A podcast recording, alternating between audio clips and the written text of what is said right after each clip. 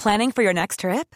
Elevate your travel style with Quince. Quince has all the jet setting essentials you'll want for your next getaway, like European linen, premium luggage options, buttery soft Italian leather bags, and so much more. And is all priced at 50 to 80% less than similar brands. Plus, Quince only works with factories that use safe and ethical manufacturing practices. Pack your bags with high-quality essentials you'll be wearing for vacations to come with Quince. Go to quince.com slash pack for free shipping and 365-day returns.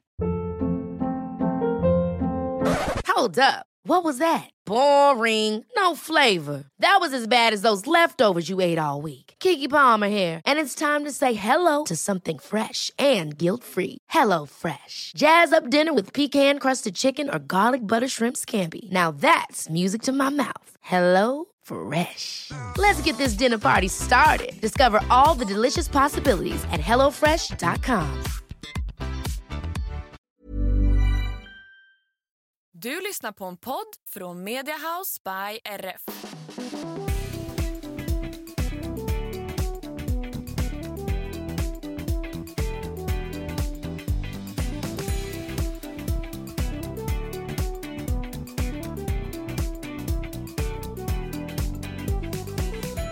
Hej på er allesammans och varmt välkomna till systrarna Älvstrands hästpodd avsnitt 187. Välkomna, jag som pratar nu heter Emma. Och jag heter Anna och det här är hästpodden för dig. Nej jag skojar. Nej, jag, fint. jag vet, men vi är ju två stycken systrar som har fyra egna hästar och är hobbyryttare i allra högsta grad men älskar hästar och eh, kanske inte så mycket sporten alltid. Ja, det är kul att prata om hästar och sådär. Ja, det är det. Mm. Hur är läget med dig idag Anna? Jo men jag mår bra. Jag känner mig lite sliten efter helgen. Vi anordnade ju DM i dressyr i helgen och det blev långa dagar. Även om det är kul så blir man ju trött. Hur mår du? Jo men jag mår också bra. Jag har faktiskt sovit rätt så bra i natt får jag säga. Jag, jag hjälpte ju bara inom stationstecken till en hel dag på dressyren. Mm. Men du i lördag så jobbade väl du mellan sju på morgonen till tio på kvällen typ eller? Ja, inte riktigt men jag var där klockan sju och sen så åkte jag och åt lite mat hemma hos dig. Och sen åkte jag och Samuel tillbaka för att sladda banorna och ställa i ordning lite och sådär. Det blir ju väldigt långa dagar. Dressyr tar väldigt lång tid. Ja. Men jag fick höra av eh, några kompisar att du kallade mig för PK igår.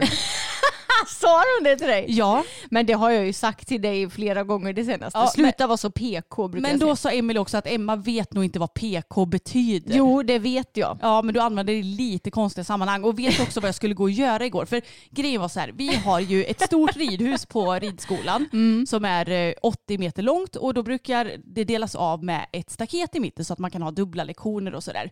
Och det staketet använder vi för att ha runt dressyrbanorna, vilket ju är om vi refererar tillbaka till den här videon som Lina Dolk delade, så är det väldigt bra att ha höga staket om någonting skulle hända. Ja. Så på vår tävling så kan ju ingen häst smita ut eh, liksom. Eh, Men i alla fall de här staketen skulle tillbaka till ridhuset. Och då så gick jag och räknade hur många som vi hade i våran så här mellandel av ridhuset för att vi behöver ett visst antal för att det ska täcka hela eh, mittsidan eller sådär. Och då så sa jag att det behövs typ sex stycken till.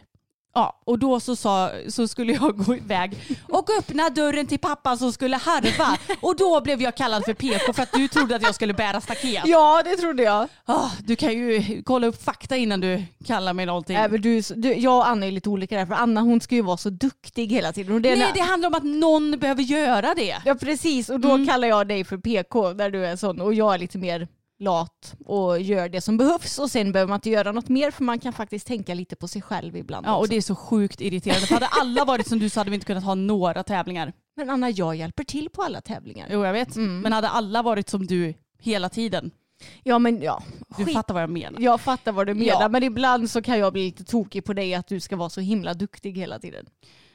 Och jag blir galen på att du ska vara så jävla rebellisk enligt dig själv. Du är så himla cool som skiter i allt. Nej jag skiter inte i allt Anna. Nej, det gör du inte. Nej. Ja, vi har lite syskonterapi så här den här morgonen som ni hör. Men jag kom på en sak, är vi de enda större ridsportinfluencerna som jobbar ide- ideellt? Jag tror fan det. Ja. Och jag tycker det är så sjukt respektlöst mot sina klubbar om man inte hjälper till ens en enda dag. Ja, jag vet. Faktiskt. Och vi pratade om det med vår kompis Filippa, hur, ja, men hur olika klubbar väljer att göra. Och jag tycker banne att alla klubbar borde ha som tvång att alla medlemmar ska hjälpa hjälpa till på, det behöver inte ens vara tävling, det kan vara andra aktiviteter, men att man blir uppsatt på så här ett datum, den här dagen ska du vara med och hjälpa till hela dagen. Annars får du typ en faktura om du inte kan byta dag med någon om det inte passar dig. Liksom. Ja exakt, för det, det kan ju vara allt från typ tävling till fixardag. Jag Ja. menar, det är mycket på en anläggning som behöver hållas i skick. Precis, och jag känner varför har inte alla klubbar det? Och det känns som att det är så typiskt ridsporten att här ska man bara hjälpa till om man själv vill det. Men när det kommer till typ säg fotboll, handboll, alltså alla andra sorters idrotter, då hjälper du till. Alltså det är inget tjafs om saken, du jobbar ideellt. Ja och jag vet att i fotbollen så är det ju verkligen så att ja, men när det är matcher och sånt om inte morsan kan stå i kiosken, nej men då får väl mormor eller farmor Mm. Ja. eller alltså någon annan göra det åt barnet för att då kan ju barnet själv inte kanske jobba i kiosken under sin match. Nej, liksom. exakt. Eller typ under en kupp eller vad som helst. Nej. Det är tvång, alla ska hjälpa till. Precis, och jag vill minnas när jag spelade fotboll, jag var ju typ tio år då, då ja, men det var ju dels någon förälder som tränade oss och som var vår tränare. Men sen tror jag att när vi spelade match så var liksom föräldrarna typ linjedomare och sådär också. Det var någon förälder som var linjedomare varje match och sådär. Ja jag tror det. Ja, och jag menar det är inga konstigheter. Nej och jag menar ofta så är ju inte uppgifter så himla svåra på hästtävlingar. Det Nej. finns att man kan stå i kafeteria, man kan ja, men vara parkeringsvakt eller Man upp- grindöppnare. precis. det, är väl, det är ganska så enkla saker. Ja och det är klart att vissa grejer behöver ju man ha lite erfarenhet för Ja. att kunna vara med på. Precis, men eh, ofta inte. Och jag menar, det går ju att lära sig. Och jag känner så här att ta kontakt med din klubb. Jag tror att all, man kan inte skylla på att ingen har frågat. Nej, Nej. då får du faktiskt ta ansvar och kontakta någon i din klubb. Det är ju jättelätt att kontakta på Instagram till exempel. Det finns ju alltid någon mail eller något telefonnummer. Det går att ta tag i det här. För som det ser ut på många klubbar så är det ju mer eller mindre samma personer som man ser på varje tävling som hjälper till och jobbar. Inte bara på vår klubb utan på de allra flesta skulle jag tro. Ja och vi brinner ju mycket för det här för jag menar vi har ju alltid varit väldigt, väldigt engagerade i vår egen ridklubb för Mm. att vi vill att klubben ska få in pengar så att eh, ja, men man kan köpa in nya saker till klubben eller det går ju tillbaka liksom Mm. till klubben i sig. Och det är så tråkigt när inte alla vill hjälpa till. Och nu pratar vi inte bara om vår egen klubb då såklart Mm. Nej. utan många. Exakt, och jag tror att folk tar, sig lite själv, folk tar sig själva på lite för stort allvar om de tycker att sin egna tid är viktigare än någon annan persons tid. inte tid. Jag har faktiskt tio hästar. Ja, men det är du som har valt att ha tio hästar. Mm. Jag har tio barn. Det är du som har valt att ha tio barn. Alltså rent krasst så är det ju så. Ja, Och bara för att vi andra inte har valt att ha den livsstilen ska vi då behöva bli drabbade av att någon annan har valt det. Alltså ni fattar vad jag menar. Jag kan bli trött på att eh, folk är så himla dåliga på att hjälpa till i sina ridklubbar. Mm. Och att man dessutom då utnyttjar systemet och tävlar massa själv. verkligen. Så ja, med det sagt, ta kontakt med er ridklubb och se till att hjälpa till på era hemmatävlingar som ni har. För det är så viktigt för att få tävlingarna att gå runt. Och jag menar, vill vi ha tävlingar att åka på, då får vi faktiskt se till att vårda våra ridklubbar och funktionärerna. För det är inte hållbart att samma personer ska jobba exakt hela tiden på varje tävling. Nej och inte att förglömma, det är kul också att anordna Ja. tävling. Det är skitroligt. Igår så satt jag och skrev större delen av dagen och det var jätteroligt att höra för dessutom så den domaren som skrev mina klasser hon hade en bisittare med sig som väl ska typ klassa upp sig. Man får ju döma upp till en viss nivå och sen behöver man ja, men typ sitta med och sådär för att Ja. kunna klassa eller skriva för högre program och sådär. Och det var så jäkla intressant att höra dem diskutera. Och det är också väldigt roligt att ja, men om du typ är protokollhämtare på dressyr då hinner du se väldigt mycket dressyr på banorna och vid hoppning är det askul att stå på banan. Jag brukar alltid vara banchef och se Ja. till att eh, ja, men varje person har någon uppgift när det är dags för banombygge eller sådär. Det är väldigt kul att hjälpa till. Det är inte bara jobbigt och sådär. Nej, verkligen inte. Det är väldigt roligt att hjälpa till både på hoppning och på dressyrtävlingar. Men på tal om hopptävlingarna. Tänk att jag visste att du skulle göra den övergången. Ja. Ja, det kan ju vara så här då. Att eh, på lördag så ska jag och Fokus tävla för första gången på tre år! Woohoo! Sa jag tävla hoppning? Nej, jag Nej. tävlar hoppning för första gången på tre år. Och jag var den detta då? Nej men eh, vi hoppade ju lite i torsdags du och jag Emma. Ja, och det här är ju en historia i sig. Nu ska jag börja att berätta. Mm. Då hade jag bestämt mig för att vi ska hoppa och sen så hade jag bestämt en liten bana som vi skulle bygga fram. Och det var egentligen ingen konstig bana. Det var en liten kombination snett igenom. Det var en linje på långsidan och sen ett par hinder. Och det var bara en oxer på banan dessutom. Och det var en oxer som vi hade satt under block under. Och när vi byggde fram den så låg den på kanske typ så här 60-70 centimeter, vad kan det ha varit? Mm. Mm. Och när vi bygger fram banan så ser jag att Anna hon blir mer och mer nedstämd. Hon ser så ledsen och sur ut. Och till slut så kommer tårarna. Och hon säger att jag kommer inte våga hoppa den där oxen Emma. Alltså jag skäms nästan lite så här i efterhand. Men grejen är att ni vet ju det. Jag har ju varit lite nervös för hoppning nu ett bra tag och den där oxen såg så jävla läskig ut när den stod där med sex stycken block under. Och jag vet inte om det hänger kvar lite från alltså jättelångt bak i tiden. Från ridskoletiden. Ja, när ridskoläsarna var lite rädda för typ Ja, sådana... för då, då hoppade vi ju basically bara bommar Ja. hela tiden. Det var kanske möjligtvis någon liten planka så på träning. Mm. Och sen så var det klubbhoppning och då kom rosa lådorna fram. De eh, var ju, vi trodde ju typ att hästarna var rädda för rosa. Ja. Men sen i efterhand så fattar man ju att det var en själv Ja, som exakt. var rädd för de rosa lådorna. Men det sitter liksom på något vis kvar i svansroten i mig. ja och det, Svansroten? Nej, Ja. men det är så roligt för du var så himla nervös innan. Du grät en skvätt. Och då får ju jag försöka vara lite så här... Psykolog. En, ja, psykolog. Och då säger Anna, Anna nu tar vi en sak i taget. Nu har vi byggt fram banan. Då går vi ut och hämtar hästarna och gör i ordning dem. När vi har gjort i ordning dem så rider vi fram. Och när vi rider fram så börjar vi att hoppa fram och vi tar det som det kommer. Mm. Ifall du känner att nej, det känns inte bra idag, ja men då behöver du inte hoppa så högt eller så mycket. Men det är ingen idé att försöka tänka för långt fram. Nej, och det är ju det som jag är så dålig på. När jag blir nervös för någonting, då tänker jag ju, ja men det är typ det värsta, och jag vet inte ens vad det värsta skulle kunna hända, vad det är. Nej. Det, det, är liksom, ja, men det är ju ingen logik i det där. Utan då går jag bara och tänker att den där oxen är så läskig, den där oxen är så läskig, jag vill inte hoppa den. Ja men varför tänker jag det när jag håller, jag är inte ens där än. Det är en timme kvar tills jag kanske ska försöka mig på och hoppa den där Mm. oxen. Och ändå går jag här och gråter. Ja, jag vet. Men jag, jag tror också att det är viktigt att prata om. För att Ja. även om jag känner mig lite mesig så här i efterhand så Mm. är ju det riktiga känslor och Ja. jag tror att många känner igen sig. Precis, men sen visade det sig när du väl började rida och hoppa att det gick hur bra som helst. Och det sjuka då, vi hoppade fram på ett enkelt hinder bara Mm. och det var pyttelågt och så kändes det hur bra som helst. Och sen så sa du, ska vi, jag, jag tar den här linjen sa du. Mm. Och så hade du hoppat den. Och så sa jag, eller så skulle jag typ börja galoppera och du bara, ah, vad ska du ta nu då? Och jag bara, nej jag tänkte ta samma linje och då var det ju den där läskiga också. Så det var liksom andra hindret jag hoppade. exakt. Och det var inga konstigheter. Nej. Jag glömmer ju lite bort att fokus är ingen tittig häst heller. Nej, men han är inte det. Han hoppar ju verkligen allt. Ja, Och, så jag vet inte vad.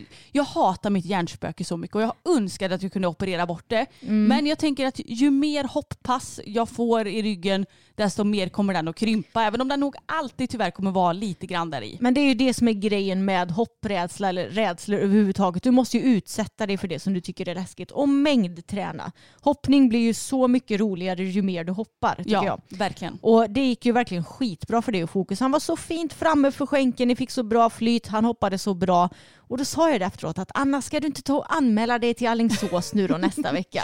Ja, och grejen att de hade ju både 70 och 80 Ja. och då är det bara bedömning A. Men jag sa det att fasen, jag behöver rycka av det här plåstret. Du Nu har jag behöver börja någonstans. Jag behöver verkligen börja någonstans och nu har jag inte hopptävlat på tre år. Nej. Och då känns det ganska skönt på ett sätt. Det enda jag behöver tänka på är att jag ska styra runt honom på den här 80 cm banan. Ja. För 70 kändes lite väl lågt. Ja, I början sa du jag kanske ska ta 70 då. Då tänkte jag, nej men Anna, nej det gör du inte. Du tar 80 centimeter. Ja, men det, det känns ändå som att, jag menar, nu hoppade vi en bana på 90 cm hemma Mm. och 80 cm på tävling kommer vara typ 75. Ja, Så exakt. det, det, jag menar 70 cm blir nästan 65 cm. Alltså, Ja. nej, jag, jag sitter på en hopphäst Ja, liksom. jag sa det. Anna, du sitter på typ Västra Götalands bästa hopphäst.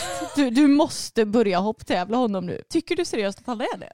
Ja, en av de bästa säkerligen. Alltså, Ja. Han är ju otrolig. Och, Han är fantastisk. och nu, vi konstaterar ju att du har inte hopptävlat på tre år. Och du sa det förut idag. Varför har jag inte gjort det för? Ja, men just nu känns det helt sjukt för att ska man, gud nu blir det så mycket babbel om just den här hoppningen, men jag menar hur länge sedan är det vi tränade eh, hemma hos Sten? Är det typ ett och ett halvt år sedan. Mm. Då tränade vi på banor på en meter och Mm. vi hoppade något hinder på 1,15. Ja. Allt gick skitbra, han var asduktig. Varför i, ursäkta, helvete tävlade jag inte då? Jag vet. När vi var inne i svängen, nej men då skulle jag hålla på och träna och tävla dressyr. Ja, jag vet. Och lägga asmycket tid på det. Mm. Och nu har det ju typ istället gått och blivit att jag inte tävlar alls. Nej. För att jag typ går och väntar på att bli redo för att hopptävla. Och egentligen tycker jag väl att man ska känna sig redo.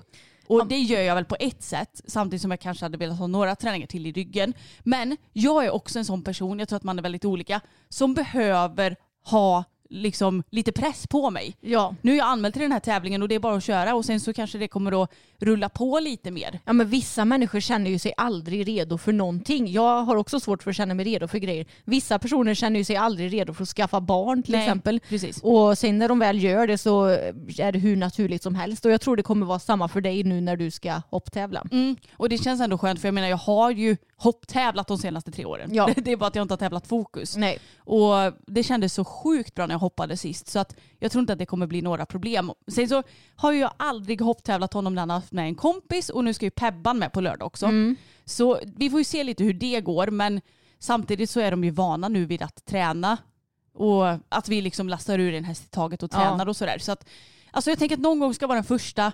Eh, Känns det inte bra så får jag utgå. Det är liksom inte värre än så. Nej, exakt. Det är helt rätt inställning. Och vi ska ju hoppträna på onsdag också så att du hinner med en träning innan. Yes. Och då ska du hoppträna fokus och inte Bella för Bella ska till ekiterapeuten imorgon eller idag när det här avsnittet släpps. Så hon ska inte träna. Och på tal om Bella så har hon känts, alltså hon kände sig så himla bra den veckan när det var tävlingen. Men sen förra veckan så kändes hon lite men så här under isen. Hon Mm. kändes lite trött i kroppen och hon kändes inte riktigt som sig själv. Så då tog jag det beslutet att jag hon ska ju då till Charlotta imorgon och sen så har jag strukit henne ifrån Allingsås på lördag. Så får hon helt enkelt en veckas vila. Jag kanske typ går ut och går med henne, tumkör henne lite grann, alltså bara väldigt, väldigt lugnt. Men hon ska få ta det lugnt. Ja, och det är ju säkert så. Jag menar hon har ju gått så in i bänken bra den senaste tiden. Och någon gång så blir de väl trötta. Ja, Och det är inte alltid så lätt att känna av det där. Sen så är vi ganska bra på att ja, men, jobba på lite hårdare pass men också väva in lättare pass. Men ibland så behöver ju hästar vila och det ska bli lite intressant att se om Charlotta hittar något specifikt ja i kroppen på henne eller om hon bara är trött. Ja, och egentligen skulle Bella gått division 2 i helgen för det är ju division 2 hoppning i Alingsås. Eh, eller så här, från början så skulle Pebban gått det. Men sen så var hon ju med om sin lilla olycka då för snart två veckor sedan. Och då ändrade jag så jag och hon ska hoppa 90 centimeter på lördag istället. Om det inte är så att vi behöver vara med i laget, i så fall ändrar jag till en meter igen. Ja. Ja, det är lite så här upp och ner hela tiden. Men hon kändes jättebra när jag hoppade i förra veckan också. Så ifall det blir så att vi behöver hoppa en meter så vill jag tro att vi är redo för det. Men det här är också vår första inomhustävling någonsin. Mm. Kommer det bli. Så det hade varit ganska skönt att så här, starta igång med 90 centimeter. I synnerhet eftersom det har dröjt ganska så länge nu innan vi tävlade senast på grund av ja, den lilla olyckan. Ja, men samtidigt så är det skönt att vi åker till Allingsås för de har ju ett lika stort ridhus som vi har. Så att det är ändå stora ytor trots att det är inomhus. Precis. Så nej men det ska bli kul. Ja. Roligt i helgen med lite hopptävling. Verkligen, jag är riktigt taggad. Och vi har ju ännu en nyhet angående våra hästar. Och vi har ju fyra stycken. Vi har de tre som vi har pratat om redan nu i podden och sen så har vi Tage. Och jag har faktiskt bestämt mig för att Tage, han har blivit pensionär nu.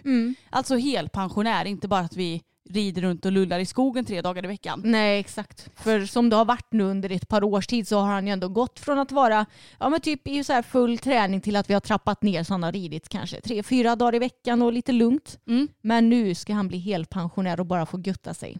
Ja, men jag kände det för att jag red ju för, vad blir det, två och en halv vecka sedan ungefär Ja. va? Och då så kändes han lite så här, lite knackig. Jag tror att han hade sträckt bogen för att ja, men man känner ju av lite när man rider vart hältan sitter någonstans. Mm. Och det är inget konstigt för det har regnat väldigt mycket och ja, men de busar ju hagen. Det har vi ju sett Jo. många gånger. Så att antagligen så hade han sträckt till bogen och då kände jag när jag red att varför gör vi det här? Eh, han har ju känts lite mindre motiverad till att rida men jag har ju egentligen alltid varit sån att jag vill hålla igång hästar. Så länge de är friska och inte har någon skada så vill jag hålla igång dem. Men samtidigt så har jag kommit till den insynen nu. Eller man nu- Insikten. Insikten, tack. Jag bara, vad säger man? Att det känns som att det, han är redo för att bli helt pensionär nu. Ja. Och som det känns de senaste veckorna så känns han väldigt nöjd. ja, det tycker jag verkligen. Och jag, jag tror att han kommer vara väldigt nöjd över att bara bli så här borstad, ompysslad, kliad, kliad ut och promenera lite grann. Äta ja. lite mat. Ja. Ja, och det, det känns så jävla konstigt bara. Alltså, jag blir nästan lite rörd. ja. Alltså det är lite jobbigt också. Det är så här, det är ju ingenting som är bestämt i sten att jag aldrig mer kan rida, eller att vi aldrig mer kan rida på honom. Men vi har liksom haft den här hästen i 16 år nu. ja, han var ju sju när vi köpte honom. Och nu är han 23. Det är inte ens meningen att sitta här och gråta men han har betytt så jävla mycket för oss båda. Och det känns så fint att kunna ge honom en riktig pensionärstid istället för Boppen som gick och skadade sig så vi var tvungna att ta ett jobbigt beslut. Exakt. Tage ska ju liksom ingenstans. Vad planen är, det är klart att vi söker någon en jättesnäll sällskapshäst så är inte vi de som kommer att sitta och hålla på honom såklart. Mm. Men han kommer inte att säljas eller något sånt där Nej. eller tas bort eller någonting. Men det känns så konstigt och jag har varit så jävla tacksam. Nej men gud, jag ska inte ens gråta så mycket men jag har varit så jävla tacksam över att ha honom samtidigt som jag har haft fokus för att det har varit så jävla tufft att ha en häst som har varit så vad ska man säga, mentalt jobbigt för mig. Och eh, fan fysiskt ibland också med att han har varit så krånglig och det har inte varit hans fel att han har varit så krånglig som han Mm. har varit. Men det har varit så skönt att ha Tage och bara kunna, alltså jag, jag, eh, jag behöver inte ha någon hjärna när jag rider Tage. Det är liksom 100% bara full närvaro. Mm. Jag vet exakt hur den hästen funkar på alla plan. Jag vet vad han gillar, jag vet vad han ogillar, jag vet vad jag ska undvika vi känner honom utan och innan. Och det, därför känns det så konstigt att aldrig mer rida på samma sätt. Liksom. Mm. Du förstår vad jag menar? Ja, jag fattar vad du menar. Men det är också skönt nu att fokus är så pass stabil. För nu behöver du ju inte Tage på samma sätt som du behövde honom för några år sedan. Nej, och det känns, det känns som ett rätt beslut. Det är bara att det känns så konstigt. Och jag vet också att väldigt många kommer att sakna honom på YouTube. Jag menar, han är ju en riktig, alltså vad vi har skrattat åt honom. Ja. Som när vi gjorde Star Stable Challenge och han bara blev helt crazy bananas. Ja. för några år sedan när Boppen var med i livet också. Men eh, nej, alltså det är klart att han kommer inte försvinna från YouTube helt. Men det kommer inte direkt vara så att vi gör något content kring honom. Att han Nej. får med på challenges och sånt där. Han är en riktig OG influencerhäst kan man ju ja, säga. det var ju honom allt startade med. Ja, det var det. Men ja, han är en fantastisk häst Tage och han har ju betytt mycket för, eller har, han finns ju fortfarande. ja, Men det är så många som typ inte har kunnat rida eller som varit rädda för att rida som har ridit honom också och känt sig så trygga. Och, men han är ju världens snällaste. ja, alltså han, det, det kommer inte att, jag tror inte vi kommer ha någon häst som Tage någonsin igen. Nej. Och som sagt, det är ju inte så att något är skrivet i sten. Jag menar, får vi feeling, det är klart att vi kan ta med honom ut på en liten skritttur eller vad som helst. Det är inte så att han är skadad och inte kan Nej. ridas mer. Men vi har bara känt det att, nej men han är nog redo för att bli pensionär. Och det är bara vi som tycker det är jobbigt. Han tycker inte det är något Nej. jobbigt. Men han och Boppen var ju också ex- extremt olika. För Boppen han var ju så stor och hade ju inga kroppsliga problem utan han mådde ju bra av att tränas ordentligt även när han var gammal. Mm. Men Tage han är ju tvärtom. Han har ju pålagringar på flera olika ställen. Han har artros här och där. Ja. De är två helt olika typer av hästar och jag tror att för Tage så kommer det inte vara fel med en hel pension på det sättet. Och jag menar det är ju faktiskt ett privilegium att kunna ha sina hästar så pass länge att de kan vara helpensionärer till slut. Eller hur? Så det känns så himla fint och jag menar han trivs ihop med de hästar han går med och vi Ja men alltså jag tror att vi kommer få en fin tid i livet. Det är ju liksom inte över. Det Nej. är bara den här ridningen som inte är över. Och samtidigt så känns det också lite skönt. För att då har vi kommit till det här beslutet och vi kan lägga ännu mer tid på de tre hästarna vi har nu. Även om vi ska ju inte försumma Tage för det. Han ska ju få sitt med. Ja. Men då kan man ju, det är det som är så skönt när vi har tre hästar för då kan man ta in och borsta och mysa med Tage under tiden som en häst görs i ordning för Ja. ridning till exempel. Exakt. Men det som jag har varit så rädd för det är att jag vill verkligen inte att han ska känna sig försummad. Men det tror jag inte att han kommer att göra så länge vi Nej, gosar. men alltså så här, ja, hästar tänker ju inte på samma sätt som vi heller. Och Jag ja, han, han tänker ju inte, varför får inte jag bli riden för? För Jag tror att hästar kanske skiter lite mer eller mindre ifall de blir ridna eller inte. ja. Det viktiga är ju att de mår bra. Jag får det de, sina behov betäckta. Mm, Betäckta? Täckta menar jag. Exakt. Men då har ni lite koll på hur Tages liv kommer att se ut den kommande tiden så att eh, ni slipper undra varför han inte är med i videos så mycket och sådär till exempel. Ja, och jag tänker också att det finns ju inte så mycket att prata om Tage i podden heller. Jag menar det är klart, gör han något kul kommer vi att ta upp honom. Men Ja. jag menar vad ska vi säga? Ja, han går och skrotar i hagen fortfarande. Alltså, Ja. Det blir ju inte så roligt innehåll just i podden. så.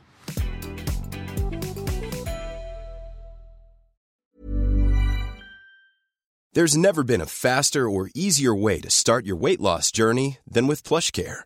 PlushCare accepts most insurance plans and gives you online access to board-certified physicians who can prescribe FDA-approved weight loss medications like Wigovi and Zepbound for those who qualify. Take charge of your health and speak with a board-certified physician about a weight loss plan that's right for you.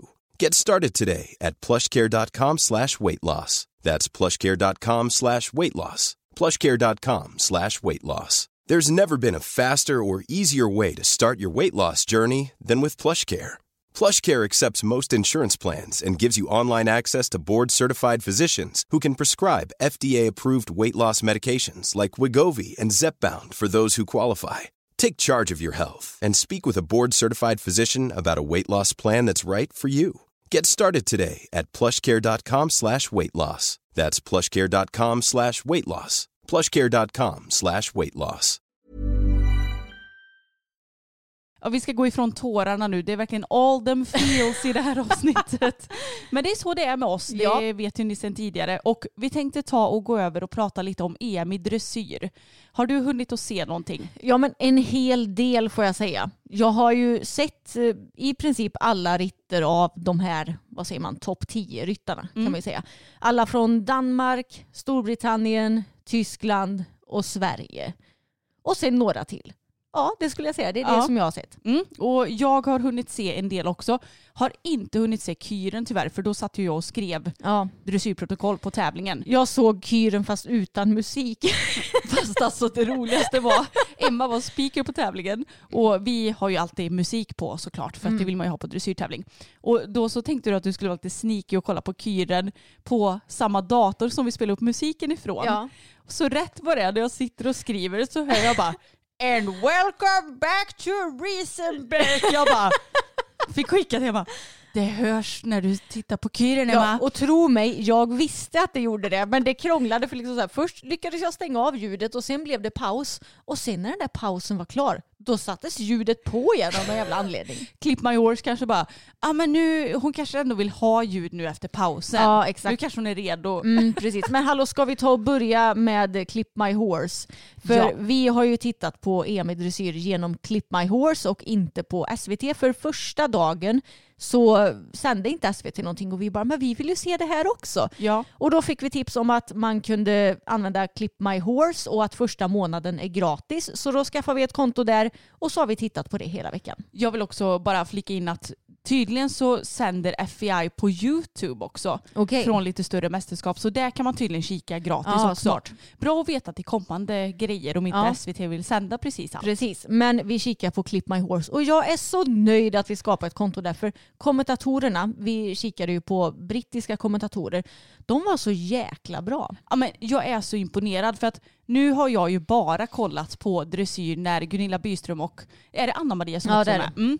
Och det är ju en pers. Vi gillar ju Anna-Maria, Ja, men ja men alltså jag gillar inte att behöva åse. Men så här, Mm. jag var ju tvungen att titta lite på SVT i fredags för att då krånglade Clip My Horse för mig. Mm. Jag tror att internet ballade ur för de skulle koppla in solceller hemma. Och, ja, jag vet inte vad som hände så allt bara hackade och hade sig. Så jag bara okej jag får väl kolla på SVT då. Men alltså Gunilla Byström, då skulle vi kolla, eller vi säger jag, jag kolla när Jessica von Bredow red. Och det var ju Grand Prix specialen. Och då så kommer hon och Dalera och ska göra första halten och Dalera typ ryggar något steg. ja, hon fick inte till någon bra inridning kan man säga. precis.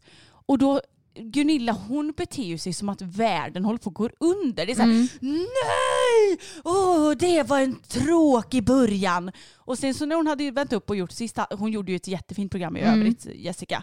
Och när hon gjorde sista halten så var det så här, oj vilket fint program. Det var synd bara på den där halten i början när hon backade. Och plus att hon då sa det någon mer gång under programmets Ja, gång. ja. Jag bara, men snälla sluta älta så förbenat. Ja men hon är väldigt dramatisk Ja. ibland. Och är, Om det det är något fel i något byte också så bara nej! ja, är det inte hon som håller på att räkna också? Ett, Jo. två, tre. Ja. Nu gjorde hon inte det den här gången. Nej. Men jag vet att hon har, när vi har lyssnat tidigare så har det varit räkna och smackat också. Ja. Nej jag blir galen. Det roliga är att jag vet att våra följare inte heller är så förtjust i Gunilla Byström som kommentator så de har skickat DMs till mig med så här, och nu har hon sagt det här och Ja. eh, bla bla bla och det är lite roligt för kan, kan inte SVT få tag i någon annan som är lite mindre störig att Ja, kommentera? eller bara så här, chilla med smackningar och räkna och ta det lite lugnt när något fel händer. Alltså, Um, det var så roligt för när vi tittade på Clip My Horse och det hände någonting då var det sådär att ja men det, det var ingen dramatik i det hela. Det var bara så här okej men nu blev Ja. det ett fel i bytet där. Och det var inte så att de var tråkiga att Nej, lyssna nej. på utan de, de var väldigt informativa. Som till exempel när Jessica inte fick till den inridningen så bra så var det så här.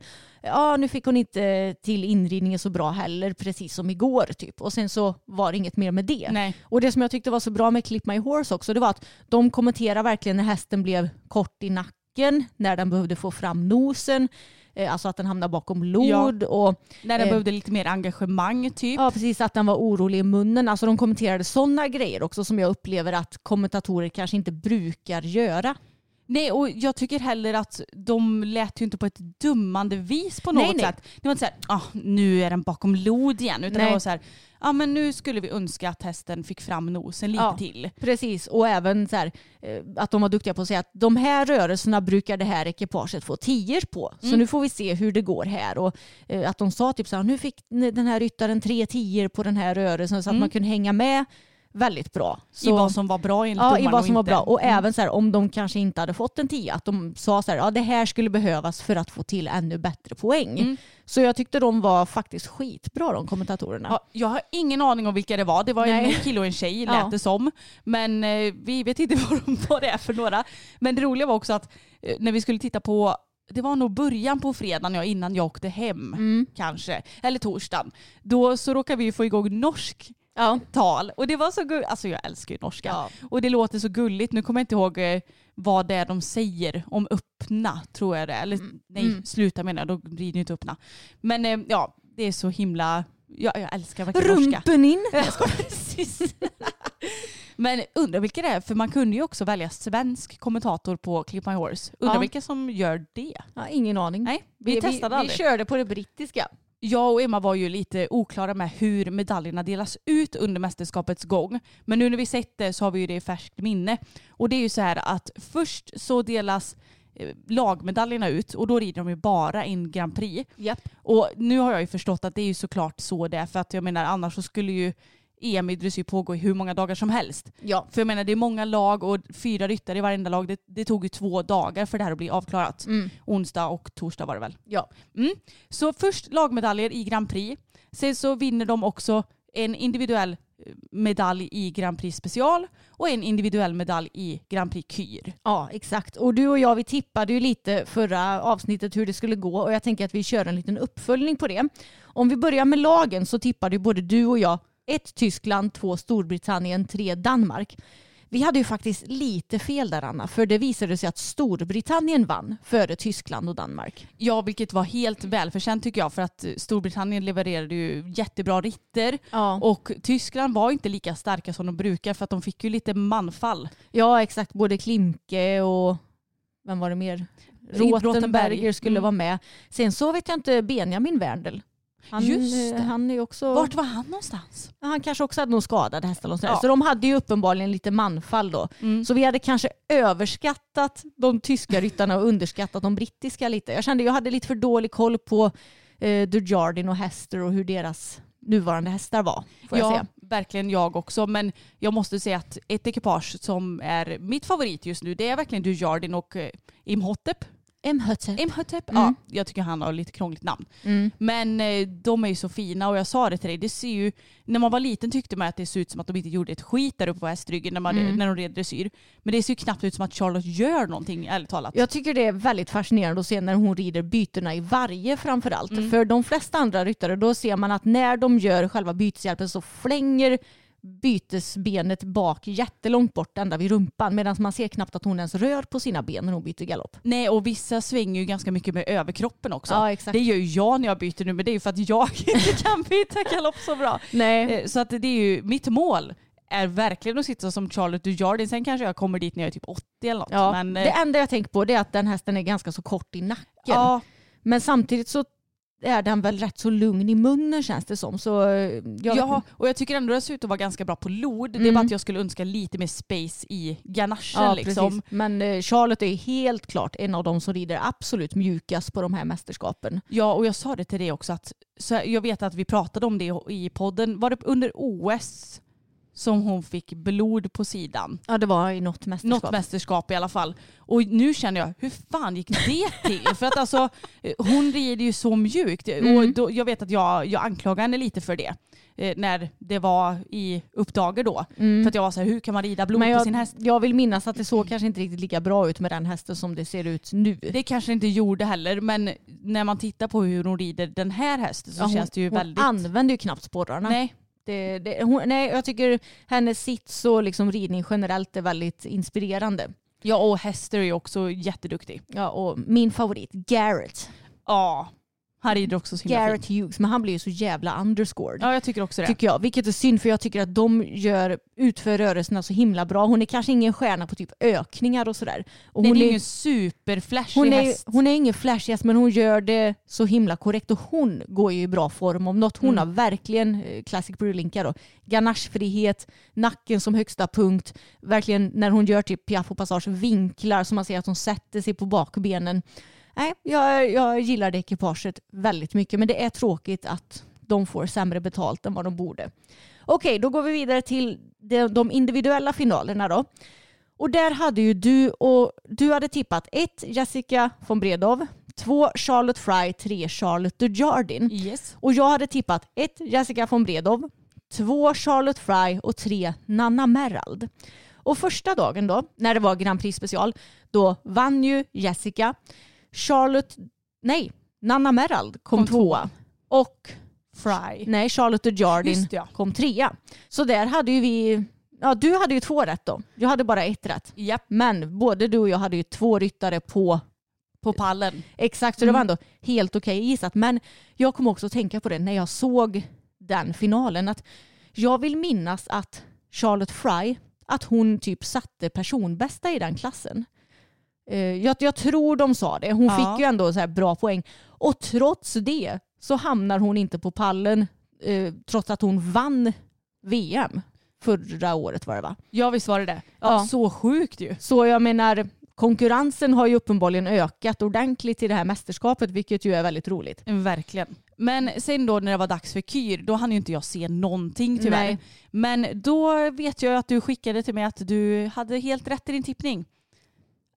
Nej du hade helt rätt i din tippning. Ja, att jag hade Ja, det. bra, Du det. skickade till mig att du hade, alltså att jag. Ja exakt. Så Jessica vann, Charlotte Fry kom på en silverplats och Charlotte Dujardin på en bronsplats. Ja, och Nanna Merald fyra, så jag var Mm. inte helt ute eh, Och cykla. nej, precis. Hon fick en del missar, så vem vet, jag hade kanske fått rätt om hon hade fått till det lite bättre. Ja, men nu är det faktiskt det Ja. resultatet som är. Exakt, så vi hade ändå tippat rätt så bra får jag säga. Ja, men det tycker jag med. Men har du några inputs om EM i övrigt, Emma? Ja, men jag har ju skrivit upp en del grejer och jag bad er också att skicka in på Instagram era inputs. Och mycket var faktiskt det som vi själva hade tänkt på, så det är kul att vi tänker likadant. Och det som kanske allra flest kommenterade, det var ju det faktum att Andreas Hellstrand ens fick vara med och tävla. Alltså hur kan Danmark med att ta ut honom? Alltså, jag har så mycket att säga om det här ekipaget. Ja. Att, eh, jag vet inte var jag ska börja. Ja, men det är ju som du säger. Den här hästen är nio år gammal, va? Ja. Och det ser ju ut som att hästen på något vis inte ens är färdigvuxen i kroppen för att den flänger och far och den har ingen balans. Och så tittar man på Charlotte Dujardins häst som är lika gammal Mm. och som är så välbalanserad och välriden och den ser ju redo ut för sin uppgift. ja. Det gör ju inte Jovian. Nej, och jag tycker också det är så sjukt. eh, Ja, men dels att han blir uttagen, att inte Danmark skäms för att ta ut honom. I synnerhet nu när vi alla vet vad som pågår, att det är den här dokumentären som eh, antagligen, hoppas jag, kommer släppas. För visst hade han överklagat men inte fått han hade i- inte fått rätt i domen. Nej, hon, han hade inte fått igenom överklagan va? Nej, jag tror att jag läste det i alla fall. Ja, vi får se. Vi hoppas på att den här dokumentären någon gång kommer att släppas och då ska ju vi helt klart se den och prata om den. Och, ja, och bara en liten input är att det är en reporter som tog ett jobb som hästskötare hos Hellstrand och så har filmat undercover. Så eh, vi Och- hoppas verkligen att det kommer ut. Och enligt det så ska man ju då se bland annat blodiga hästar och ja, men överlag misshandel av hästar Mm. verkar det ju som. Och jag tycker att det är så sjukt att trots att han har de här anklagelserna att han får representera sitt land och om jag kopplar det här till eh, fotboll, jag som är lite så här fotbollsnörd också. Jag vet att i Manchester United så var det ju en spelare för ett par år sedan, Mason Greenwood, som blev anklagad för var det våldtäkt av sin eh, flickvän eller något sånt där. Men fy. Och han blev ju avstängd ifrån laget och har ju fortfarande inte fått spela. Så jag menar, då tar ju klubben ändå ett ställningstagande. Nu tar ju inte Danmark som lag något ställningstagande till det här uppenbarligen. Nej, och jag känner också, har Danmark ingen annan ryttare? För jag menar, den Ja. som brukar vara med, ja men det är ju eh, Katrin Dufour. Mm. Men har de ingen annan som, som kan vara med förutom Helgstrand? Ja det kan man Och ju sin tycka. häst som inte är redo för uppgiften. Nej men alltså det, det är verkligen helt sjukt. Och det sjuka också är att han är ju, hans företag är ju med och sponsrar Ja. EM också. Och jag känner Vad hur... opartiskt Ja precis, blir. vad, hur opartiskt blir det ja, när domarna ska döma honom då? Och är det någon som blir overscored så är det ju han. Alltså han får tior på ökade trav och galopp trots att hästen går helt ihopknökad och inte ens i en ren takt i Nej, traven. det är och... som att den har en framdel och en bakdel. Det är verkligen som om den har en framdel och en bakdel. Alltså det är det sjukaste ekipaget jag har sett. tror jag. Ja, alltså jag tycker inte ens att det ser ut som att den är redo för att gå in i en lätt B typ. Ja men ärligt talat. Nej. Åh, jag tycker det är så tråkigt och jag undrar, jag undrar hur den hästen har blivit sån. Mm. För hade den där hästen fötts i det fria så hade den ju inte sprungit sådär nej, nej. som den gör nu. Det, jag kan tänka mig att det är ganska så extrem träning som ligger bakom det hela. Ja, jag, jag tror ju tyvärr samma sak. Ja. Sen ska vi inte skriva under på att det är så, men ja. Nej, men det, det är bara tragiskt att det är det här som premieras i dressyren. Och på fredagen i Grand Prix special så fick Härligstrand bättre poäng än Garrett Hughes och Classic Brulinka. Alltså det är så Ja visst fick han jävla- typ bättre än eh, Kittel och några andra också då? Det fick han säkert. Ja. Det, enda jag tänkte på det var Garrett för jag tycker att han rider så himla korrekt.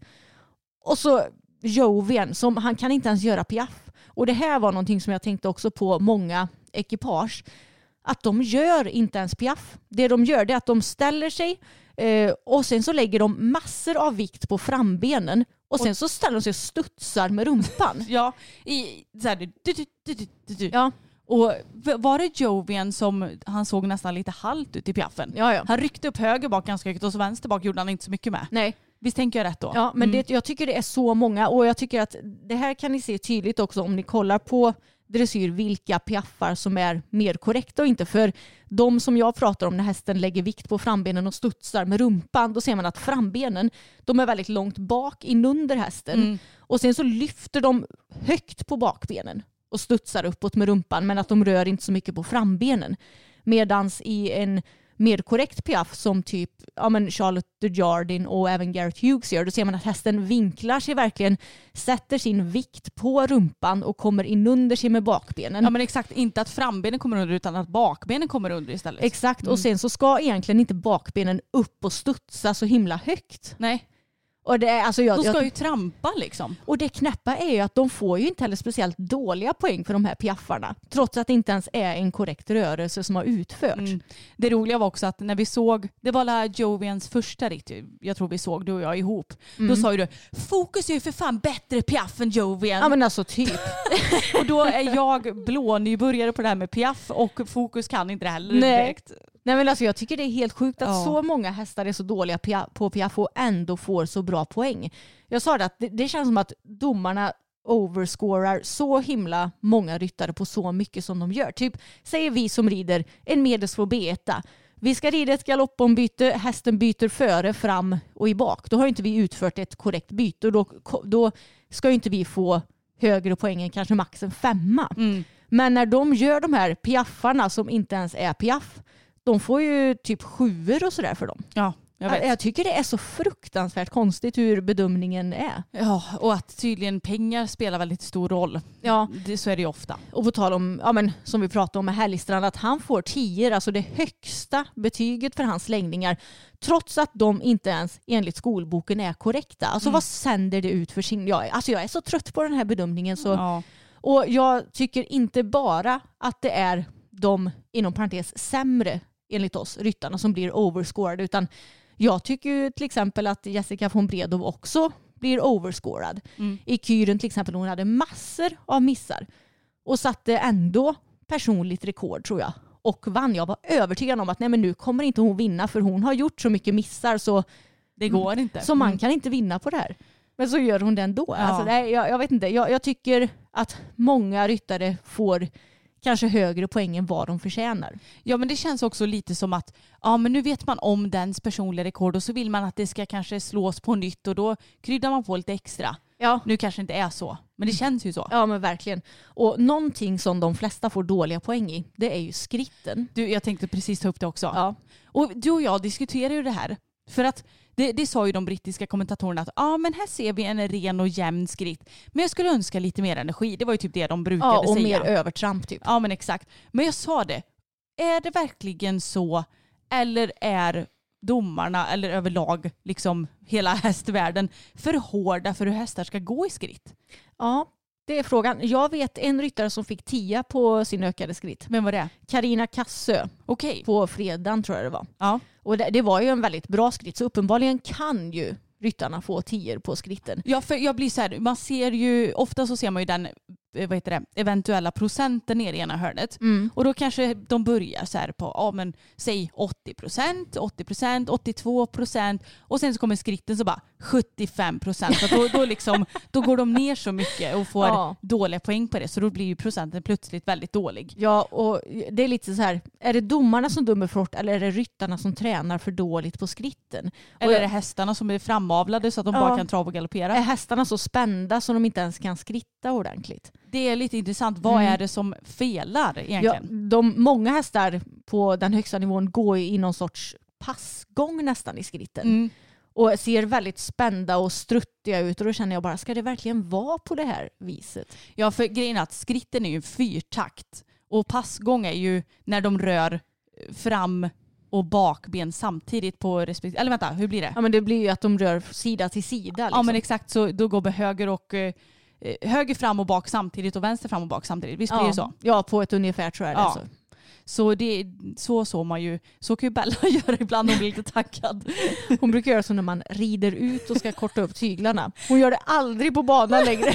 när man rider ut, då hör man hur det börjar låta väldigt konstigt. Ja. Nej, men det är intressant att det finns ju två grejer som de flesta toppryttare är väldigt dåliga på. Det är att skritta och det är att stå still. Och rygga. Och rygga.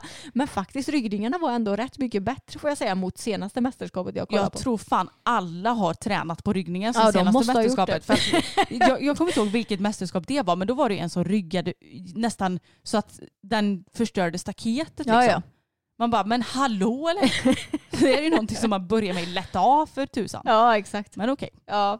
Ja, Och någonting också som man ser tyvärr mycket på, inte bara på det här stora mästerskapet utan överallt tycker jag när ett kandar är inblandat, det är att munnarna är väldigt, väldigt oroliga. Ja.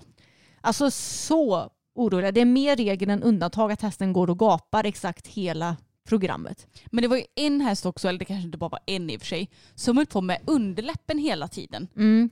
Karina Kassös häst. Ja, var det Karina Kassö? Mm. Mm. För den gjorde ju som så, om man tänker att munnen är en överläpp och en underläpp så var det som att den hela tiden höll på att bubbla med underläppen. Liksom. Den, Ja. här, bu- bu- bu- Den gapade liksom med underläppen precis Ja, hela den, den gapade ju inte så att den gapade med tänder och allt. Utan Mm. det var bara underläppen som mi, mi, mi, mi, mi Ja. hela tiden. Ni får nästan googla på det om ni inte förstår vad jag menar för att det är Mm. svårt att förklara så här i ord. Men då undrar jag också, vad, vad gör, varför gör den så? Men jag, ja, jag, jag tycker ju mycket när jag tittar på ryttarna som red nu, att många rider med väldigt hård stångtygel. Mm. Och att det känns som att de har väldigt mycket i handen. Att när de samlar så gör de det liksom för handen. Att de bromsar med handen istället för att samlingen ska komma på ett naturligt vis. Och någon som inte gör det här utan som rider med väldigt lös stångtygel och där det ser väldigt trevligt och fint ut det är ju Therese Nilshagen. Ja, alltså, Hon- Jag blev ju nästan, när hon red in första gången, alltså under det här mästerskapet, Mm. så var jag ju så van vid att se alla som red med så spända stångtyglar. Mm. Så kommer hon in och jag bara, oj hon har typ tappat tyget tänkte jag. Ja. Men det är ju så hon rider och jag, jag blir, man blir liksom blind av att se alla som sitter och rider Ja. med kort stångtygel. men det ser ju så mycket trevligare ut. Verkligen. Och Dante han är ju också betydligt lugnare i munnen jämfört med i princip alla andra hästar som jag såg på det mästerskapet. Och det är ju som sagt inte bara på den här högsta nivån utan även på vilken regional tävling som helst. De hästarna som går med kandar de går ju nästan och gapar hela tiden. Mm. Vilket ju inte är så konstigt för hästen är ju inte gjord för att ha två bett i munnen. Det tar Nej, ju, inte ens ett bett ju. nej, det tar ju för mycket plats. Då måste de ju komma undan på något vis. Ja, och jag tror kanske att på no det kanske är omöjligt att få en häst till att inte gapa en endaste gång under ett helt ridpass. Ja, Det, ja, jag menar, de gör ju det av försvar att kanske en halvhalt inte riktigt går igenom eller att de blir spända Precis. på något vis. Så det är liksom inte, ni, jag tror ni förstår vad jag menar. Mm. Men vissa hästar går ju verkligen och gapar hela, hela tiden. Ja, men då är det också domarnas ansvar att faktiskt dra ner poäng på det här. Mm. Och det gör de ju inte. Nej, för det sa ju de brittiska kommentatorerna att ah, nu ser vi att de är oro- eller den här hästen är orolig i munnen. Mm. Och det är sånt som inte är så bra för då drar domaren ner. Men det gör de ju inte. Nej, nej, det gör de ju inte. Och det gör de ju inte ens på vanlig tävling heller. Nej, exakt så. Men har de tungan ute? Och har stängd mun, då jävlar. Ja, nej, så det tycker jag är lite tråkigt. Jag tycker att för att det ska ske någonting som hjälper hästvälfärden så får ju faktiskt domarna börja dumma ner sånt här också. För det ser inte trevligt ut när hästarna går och gapar hela tiden. Och jag, vet inte, jag tyckte faktiskt att Dalera gapade rätt så mycket nu också och jag kan inte Jaha. minnas att hon har gjort det lika mycket tidigare. Alltså jag har ju typ missat Jessicas ritter för jag har varit iväg på Ja, jag saker. vet. Så jag, jag, har ju, jag har nog inte sett henne en enda gång den här Nej, resan tänkte jag säga. Men alltså jag, jag, känner att jag har känt lite mer magi för det ekipaget för så här ett par mästerskap sen Ja, okej. mot nu, trots att de kanske fick bättre poäng nu. Men jag kan inte minnas att hon har gått och gapat så mycket som hon har gjort. Det har sett mer harmoniskt ut helt klart, eller vadå? Ja, om inte jag har, eh, vad säger man, ja om inte jag har förskönat eh, det jag har sett tidigare. Nej det är, det är ju svårt att veta. Ibland Ja. så kanske man ser något med lite glittriga ögon. Ja, exakt. Men ja, det är tråkigt att hästarna ska ha munnen så öppen hela tiden och att de ser överlag ganska så missnöjda ut. Mm, verkligen. Och det är många som har ja, men kommenterat i den pollen jag la upp att många hästar ser så starka ut i munnen. Och det håller jag med om. Jag tycker det ser ut som att ryttarna har så mycket i, handen. Mm. Och det är kanske också för att de rider med så kort stångtygel också. Det känns som att de behöver göra det för att ha kontroll på hästarna. Ja, och det är också alltid svårt att veta vad det ser ut som och hur det faktiskt är. Men jag håller med om att det ser ut som att de behöver sitta och hålla i. Ja. Och sen var det också vissa som kommenterade att ja, men om du är tillräckligt bra, till exempel om du heter Jessica von Bredow så kan du få missar utan att det kostar dig någonting. Mm. Medan som sagt om vi hade ridit på vår nivå och fått de missarna de får då hade vi fått kanske fyror, femmor men de kanske istället får så här sjuor till exempel. Ja, men det, det blir ju också så om, om de ligger på en 9-10 och får en miss, Mm. då blir inte det en 3-4. Nej. Då blir det en 7 Ja. Men om vi ligger på bästa fall en 7 Mm. då blir ju en miss typ 4-5 ja. för att man ska gå ner några betyg. Ja och det känns som om ja, men, när folk får missar, alla får ju missar ibland på de här mästerskapen och de lite sämre ryttarna, det, det känns som att missarna de kostar ju mycket mer då Mm. än om du är riktigt stor trots att missarna egentligen är lika grova och du utför rörelsen lika dåligt. Ja, alltså hur, hur fan ska vi komma runt det här? Ska man behöva sitta en domare och en helt opartisk person som sit, sitter där och säger att nu blir det en miss och nu ska det vara det här betyget. Det spelar ingen roll vad människan heter eller om den har varit med och sponsrat mästerskapet. Nej. Du ska sätta en trea på det här. Ja exakt. Nej, Ja, ja, vi, vi behöver AI-bedömning. Vi behöver verkligen AI. Vi behöver dressagebot nu. Ja, vi behöver det nu för annars så, ja. Upp. Men det, det är ju helt omöjligt att få en opartisk bedömning Ja. med de här människodomarna. Sen kanske det tyvärr blir partisk med AI också för ja. Men ja, då måste man ju mata in liksom exakt rätt eh, ridning eller vad man ska Ja. säga. Men jag tänker, har man bara gjort det då är det ju egentligen ren data. Jo, så är det ju. Nej, det, det, det är konstigt Mm. tycker jag. För att alla ska ju drabbas lika hårt av en miss tycker jag. Ja, det tycker jag det är verkligen. det minsta man kan begära. Exakt. Någonting som jag hade missat för övrigt men som vi fick ett DM om det var att tydligen så har ju då Martin Fuchs direkt efter EM, där han red på sin Leone J, en dag efter att det avslutades så flög han den hästen till Spruce Meadows i Kanada för att tävla där. Va? Ja. Och han vann tydligen ja, men någon stor Grand Prix där. Och det hade ju varit hans eh, högsta dröm typ. Eller så länge. Okej, men då kanske man väljer en av tävlingarna då? Ja, jag vet. Och det gör väl de allra flesta vettiga ryttare. Men det säger väl också lite om, ja, ni vet ju om att vi är inga fan av Martin Fuchs direkt. Och det visar ju ganska mycket på att han ser ju inte sina hästar som hästar utan som verkligen tävlingsmaskiner. Nej, det, det är helt sjukt. Alltså, jag kan inte tänka mig någon annan ryttare som hade kunnat göra. Jag kan absolut inte tänka mig till exempel någon av våra svenska ryttare som hade gjort samma sak. Nej men alltså alla är ju väldigt noggranna med att ja, men vissa hästar kanske inte ens går fler mästerskap. Nej. Jag menar när det var när det blev så här corona och lite uppehåll med tävlingar och sånt Mm. så, så var det ju några som så här, ja men vi får kanske välja vilket utav de vi ska köra på för att inte Mm. hästarna ska bli för trötta. Ja men till exempel nu Malin, hon avstår det här Ja. mästerskapet med Indiana till exempel. Precis. Och Henrik med King Edward. Ja. Och är väldigt noggrann med att ja, men efter ett mästerskap då får de en lite mer ordentlig vila. Men nej, nej, då flyger vi över halva jorden och rider en ny tävling bara för att jag har alltid drömt att vinna den här klassen. Är det, Åh. så knäppt. Gud. Ja, och dessutom så har jag ju läst någonstans att en timme för en häst i en hästtransport eller hästlastbil antar Mm. jag, det är liksom en timmes ridpass.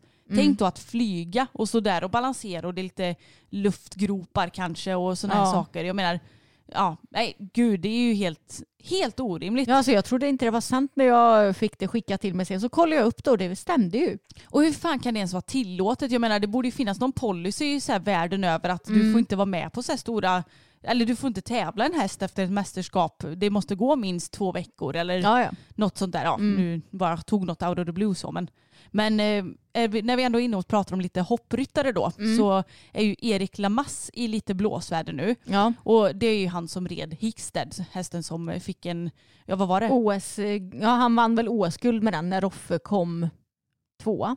Ja och den hästen den dog väl mitt på Ja, mitt tävlingsbanan på också. tävlingsbanan av en Något brusten aorta Mm. tror jag. Så fruktansvärt. Det var ju, det var ju verkligen en av världens bästa hästar. Och han är ju kanadensisk också väl? Erik Lamass. Mm. På tal om Spruce Meadows i Kanada så går vi över till en annan Kanada. Exakt. Och nu så tänkte jag ta och läsa upp en artikel från tidningen Ridsport som är från 8 september. Flerfaldig OS-medaljör använder falska läkarintyg i hästtvist. En 13 år gammal pågående tvist mellan en tidigare olympisk mästare i hoppning och ett företag han sålt hästar till fick ny vändning nyligen. Detta efter att hoppryttaren lämnat in falska läkarintyg om sin cancer till domstolen. Det handlar om 55-årige Erik Lamass, Kanada, som tog individuellt guld och lagbrons på OS 2008 samt individuellt brons på OS 2016. Han har varit i blåsväder för sina hästaffärer tidigare men nu har ett fall fått en ny vändning där han själv står bakom ett bedrägeri där han har använt sin cancersjukdom som förevändning till att skjuta upp en rättegång. Erik Lamas har kämpat mot sin cancer, en hjärntumör, i flera år och nu berättar flera internationella medier, bland annat Horse Sport, att hoppryttaren lämnade in tre falska läkarintyg till domstolen Ontario Superior Court Judge. Intygen såg ut att vara från en cancerklinik i Nederländerna och enligt dem hade Erik Lamas cancer bland annat spridit sig till halsen. Med stöd av de falska intygen ville Eric Lamas och hans advokat få en rättegång där Lamas var stämd för ungefär 5,5 miljoner kronor uppskjuten. Ryttarens advokat menade att intyget var bevis för att hoppryttaren inte skulle klara av att genomgå en rättegång samt att hans sjukdom påverkat förberedelserna inför rättegången. Domstolen fattade dock misstankar gällande läkarintygen precis som företaget som stämde Eric Lamas. När de tittade närmre på intygen så visade de sig vara förfalskade. Hästaffären som har initierat stämningen började 2010 när Eric Lamas sålde tre hästar till familjeägda Iron Horse Farm med syfte att de skulle tävlas av dottern i ägarfamiljen. Iron Horse Farm menar att de tre hästarna inte höll den standard som Eric Lamas utlovat, något som Lamas förnekar. Efter att de förfalskade intygen upptäcktes så har Eric Lamas advokat Tim Danson avbrutit sitt samarbete med hoppryttaren. Erik Lamas ska nu betala ungefär 330 000 kronor till Iron Horse Farm för de kostnader företaget haft i samband med att han försökte skjuta upp rättegången.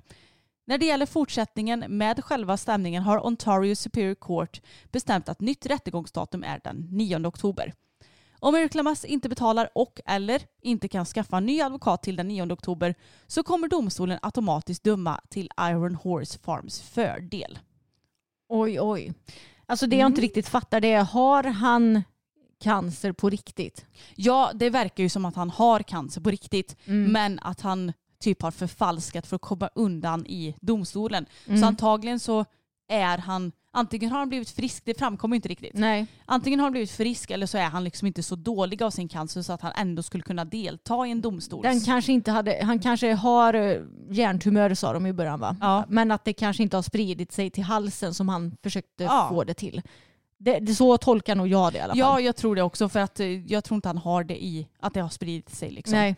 Så eh, mm, jag tycker att sånt här är konstigt och jag menar med tanke på att han försöker komma undan i rättegång då har han ju uppenbarligen någonting att dölja också. Ja, När det kommer till den här hästen som han har sålt. precis. För vet du om att du kommer få rätt så är det ju ingen, alltså då, då försöker du ju inte komma undan på det här sättet. Nej, Lite som Andreas Hellstrand och hans dokumentär som han ju försöker stoppa på alla Precis. sätt och vis. och kanske lite också som den här dopingkontrollen som vi pratade om angående Ja, just det. eh, Matilda heter hon va? Ja, Mm. Matilda Karlsson ja. Precis. Det är så här, om du inte har något att dölja då går du väl på rättegångar och eh, Dopingkontroller och och allt vad det nu är. Ja. ja.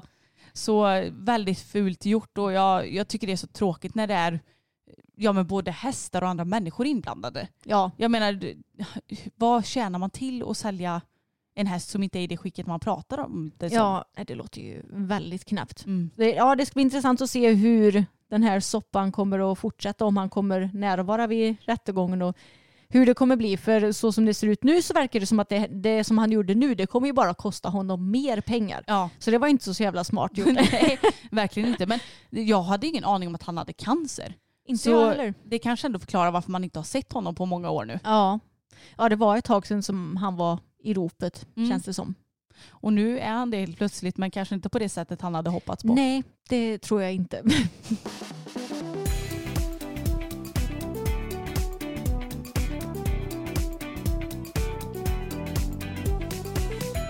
Ja, I vanlig ordning så har vi egentligen mycket mer att prata om. Men eh, jag känner att vi får avrunda här annars så blir väl det här avsnittet hur långt som helst. Vi får ta det nästa vecka istället. Det låter som en bra idé det. Men eh, tack så mycket för att ni lyssnat allihopa.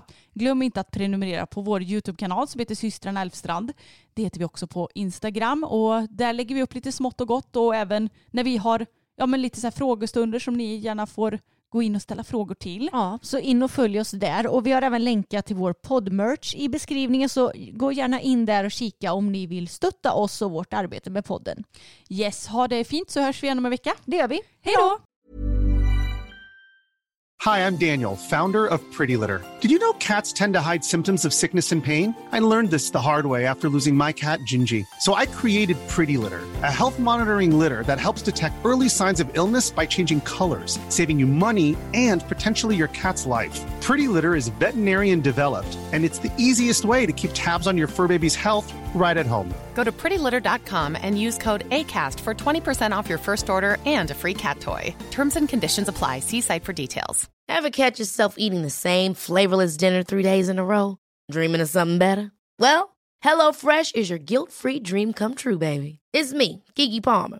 Let's wake up those taste buds with hot, juicy pecan-crusted chicken or garlic butter shrimp scampi. Mm. Hello Fresh. Stop dreaming of all the delicious possibilities and dig in at HelloFresh.com. Let's get this dinner party started.